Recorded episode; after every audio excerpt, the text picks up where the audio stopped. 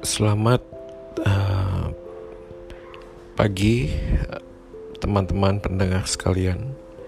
Kita patut bersyukur pada Tuhan untuk segala kasih dan anugerahnya yang dilimpahkan kepada kita. Kiranya di dalam masa sulit ini kita tetap bersandar kepada kasih karunia dan anugerah Tuhan.